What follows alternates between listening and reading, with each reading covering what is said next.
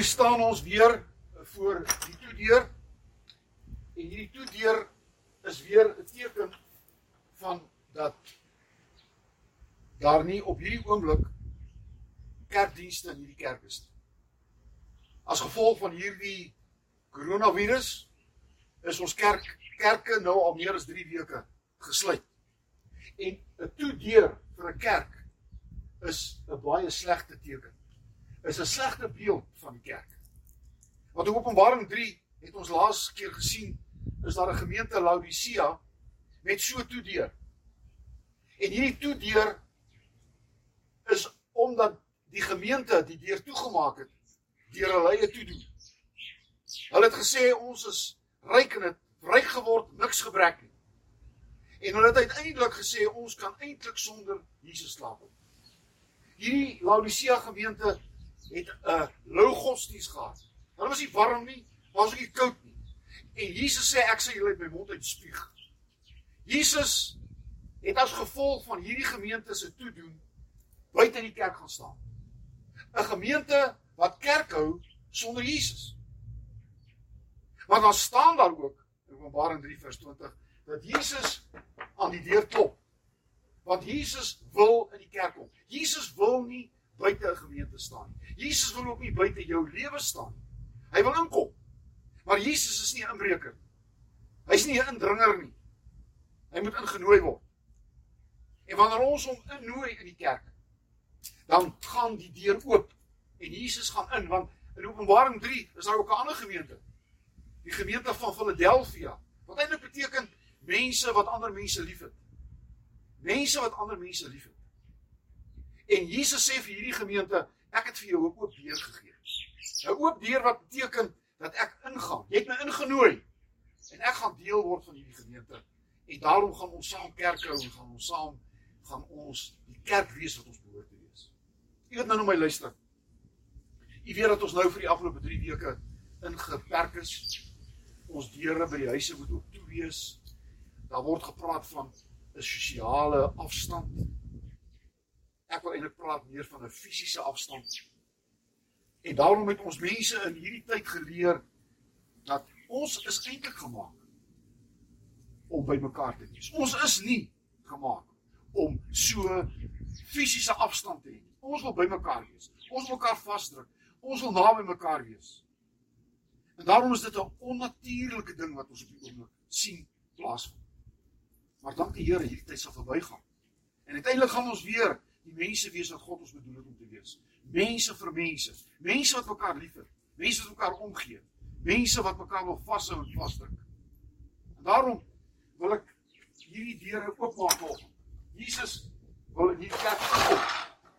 En Jesus vra ons om saam met hom in die kerk in te kom. En as ons vanoggend in hierdie kerk gaan instap, dan wil ek met u 'n boodskap deel. Die boodskap is oop deure op pad na belydenis. En ek glo dat ons nooit weer 'n deur gaan laat toe gaan ons kerk omdat ons by hierdie belydenis gekom die Here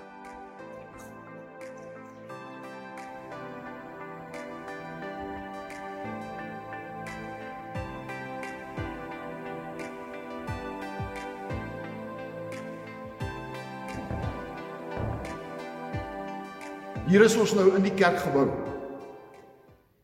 Dis net 'n gebou. Maar vanoggend wil ek met u die boodskap deel wat in hierdie kerk en hierdie gemeente verkondig word. 'n Boodskap wat kerkdeure vir altyd sal oop bly. En daarom wil ek vanoggend vir u sê dat al is die kerk net 'n gebou, dan is dit die simbool van die boodskap wat ons vanoggend met u wil deel. Voordat ons begin met die boodskap, Kom ons bid net saam. Liefdevolle Hemelse Vader. Ons is hier by mekaar. En ons luister nou saam na hierdie boodskap van liefde. Dankie dat U nie net kom sê dat U liefhet nie, maar dat U dit kom bewys het deur U seun Jesus Christus. En hoe kan ons ooit U genoeg dankie sê Jesus dat U die volle prys betaal het vir ons sonde? En dat ons nou deur die werk van die Heilige Gees as vrye mense in hierdie wêreld kan lewe. Dankie dat hierdie boodskap van liefde 'n boodskap is wat die wêreld so nodig het. Vir te lank ons 'n boodskap soms van oordeel aan mense gebring. En mense vervreem. Maar ons weet dat u boodskap van liefde mense opnuut sal trek. Liefde trek. En dat hulle deel sal word van ons gemeente. Deel sal word van hierdie wonderlike boodskap ek glo en bid dat iemand wat na hierdie boodskap sal luister vanoggend by 'n belydenis sal uitkom. En saam met ons sal uitroep. Ek glo in God die Vader, die Almagtige, die skepper van die hemel en die aarde. En ek glo in Jesus Christus, sy enige gebore seun, ons Here, wat ontvang is van die Heilige Gees, gebore in die maag Maria wat gelei het dat Pontius Pilatus gekruisig is, gesterf het en begrawe is. Derde wat weer opgestaan uit die dode, opgevaar het na die hemel en sit aan die regterhand van God, die Vader, van waar hy sal kom om te oordeel die wat lewe en die wat reeds gesterf het. Ek glo in die Heilige Gees. Ek glo aan die heilige algemene Christelike kerk, die gemeenskap van die heiliges, die vergifnis van sondes, die weeropstanding van die vlees en ek glo in die ewige lewe. 'n kerk met oop deure op pad na 'n belydenis. Dit is die boodskap van volgende. In hierdie gemeente verkondig ons 'n God van liefde. God is liefde. 1 Johannes 3 vers 8 en 16. Jy sien, liefde is die karakter van God. God doen niks sonder liefde. En dan enigiets in hierdie wêreld of in jou lewe wat nie liefde is nie, het God nie veroorsaak nie, maar is die mens die outeur. In Genesis 1 word die hele skepping beskryf. En God het hierdie skepping tot stand laat kom deur sy liefde. En elke keer as hy iets gemaak het, staan daar en dit was goed. En dan word die mens geskaap. Genesis 1:31. En daarna sê God en dit was baie goed. U wat nou na my luister, moet weet dat jy is 'n produk van God se liefde. God het twee mense gebruik. 'n Man en 'n vrou. En uit hulle liefde is jy gebore. Jy is die sigbaar, die sigbaar word van twee mense se liefde. Want jy is eintlik geskaap deur 'n God van liefde.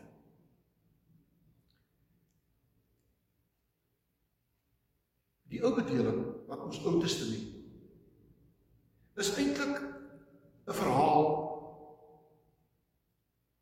van sonde, skuldgevoel, straf En dan die mens wat 'n offerande bring om hierdie sonde te laat vergewe. En hierdie prentjie in die Ou Testament van sonde, skuldgevoel, straf, offerande. En God laat lyk asof hy 'n liefdelose God is. 'n God wat eers wil hê dat ons moet doodmaak voordat hy ons sonde vergewe. Dit is die verkeerde prentjie van God.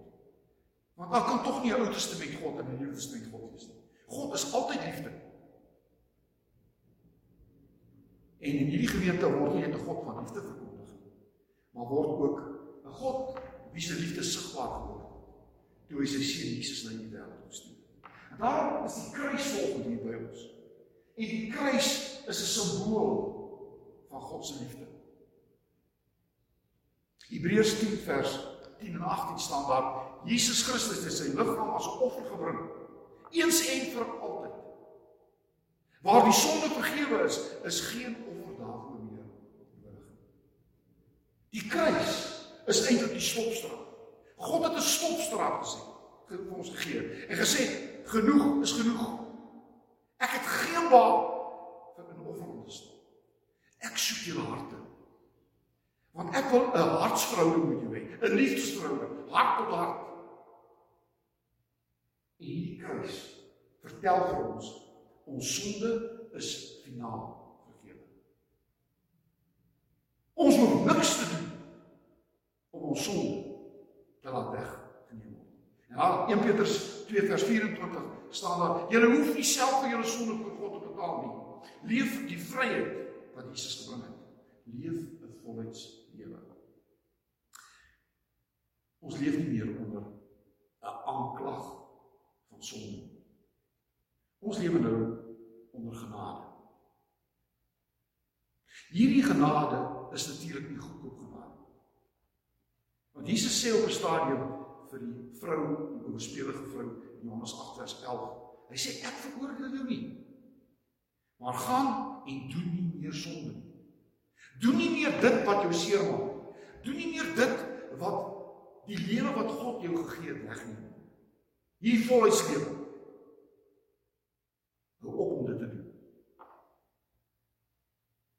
Ja, ons sonde is vergeef. Maar die konsekwensie van jou verkeerde dade sal jy moet dra.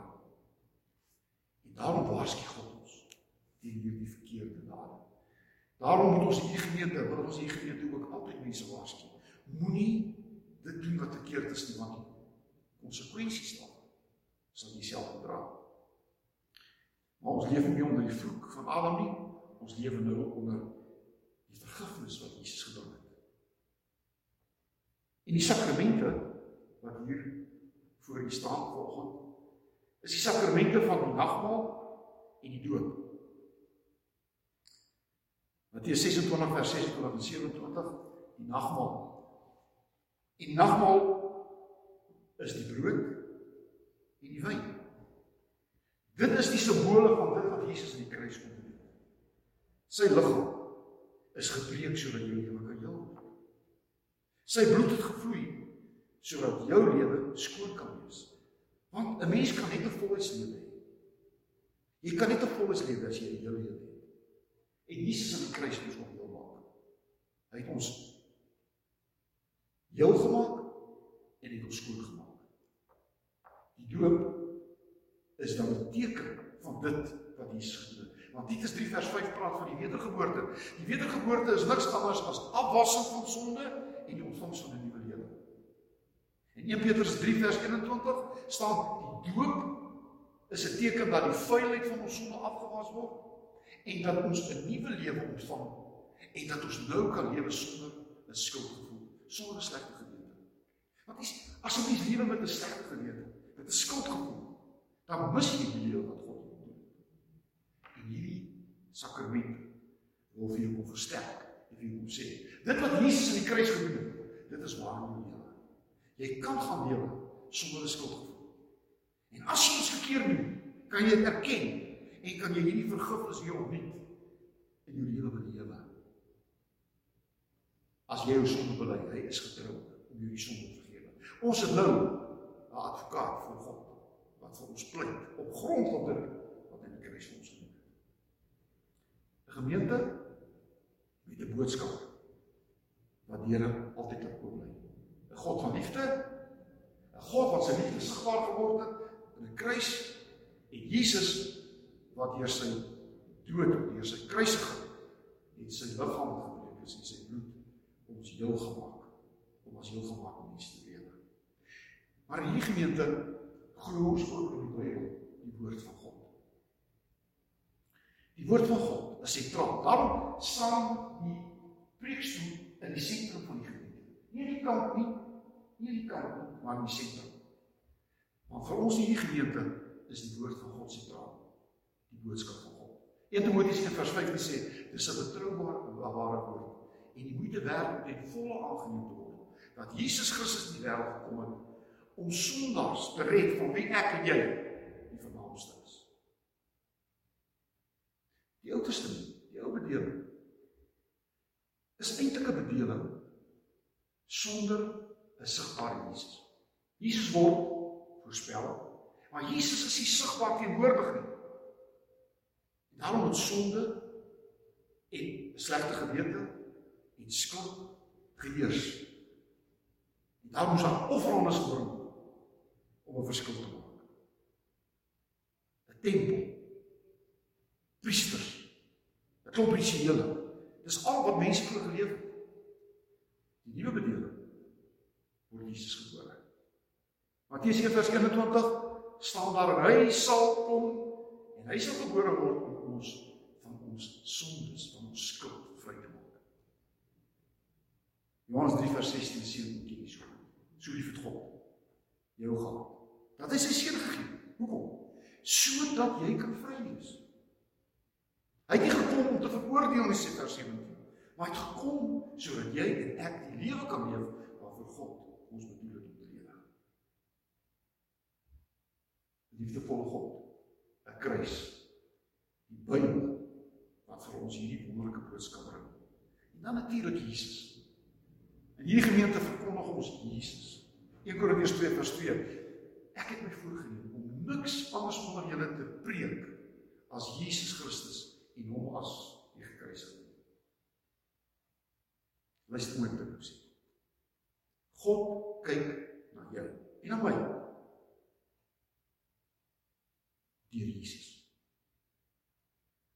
Jesus is letterlik God se oë waarna hy ons kyk, na waar hy na ons kyk. Hy sien nie ons sonderhand nie. Hy sien Jesus raak wat 'n einde gebring het aan hierdie bose kring van sonde, slegte gewete, straf of verhandes. Hierdie siklus is verbreek. En as ons nou die Bybel lees, moet ons die Bybel lees met Jesus in ons harte. Want wanneer jy die Bybel lees met Jesus wat in jou hart gebore is, dan lees jy die Bybel anders. Die Ou Testament en die Nuwe Testament.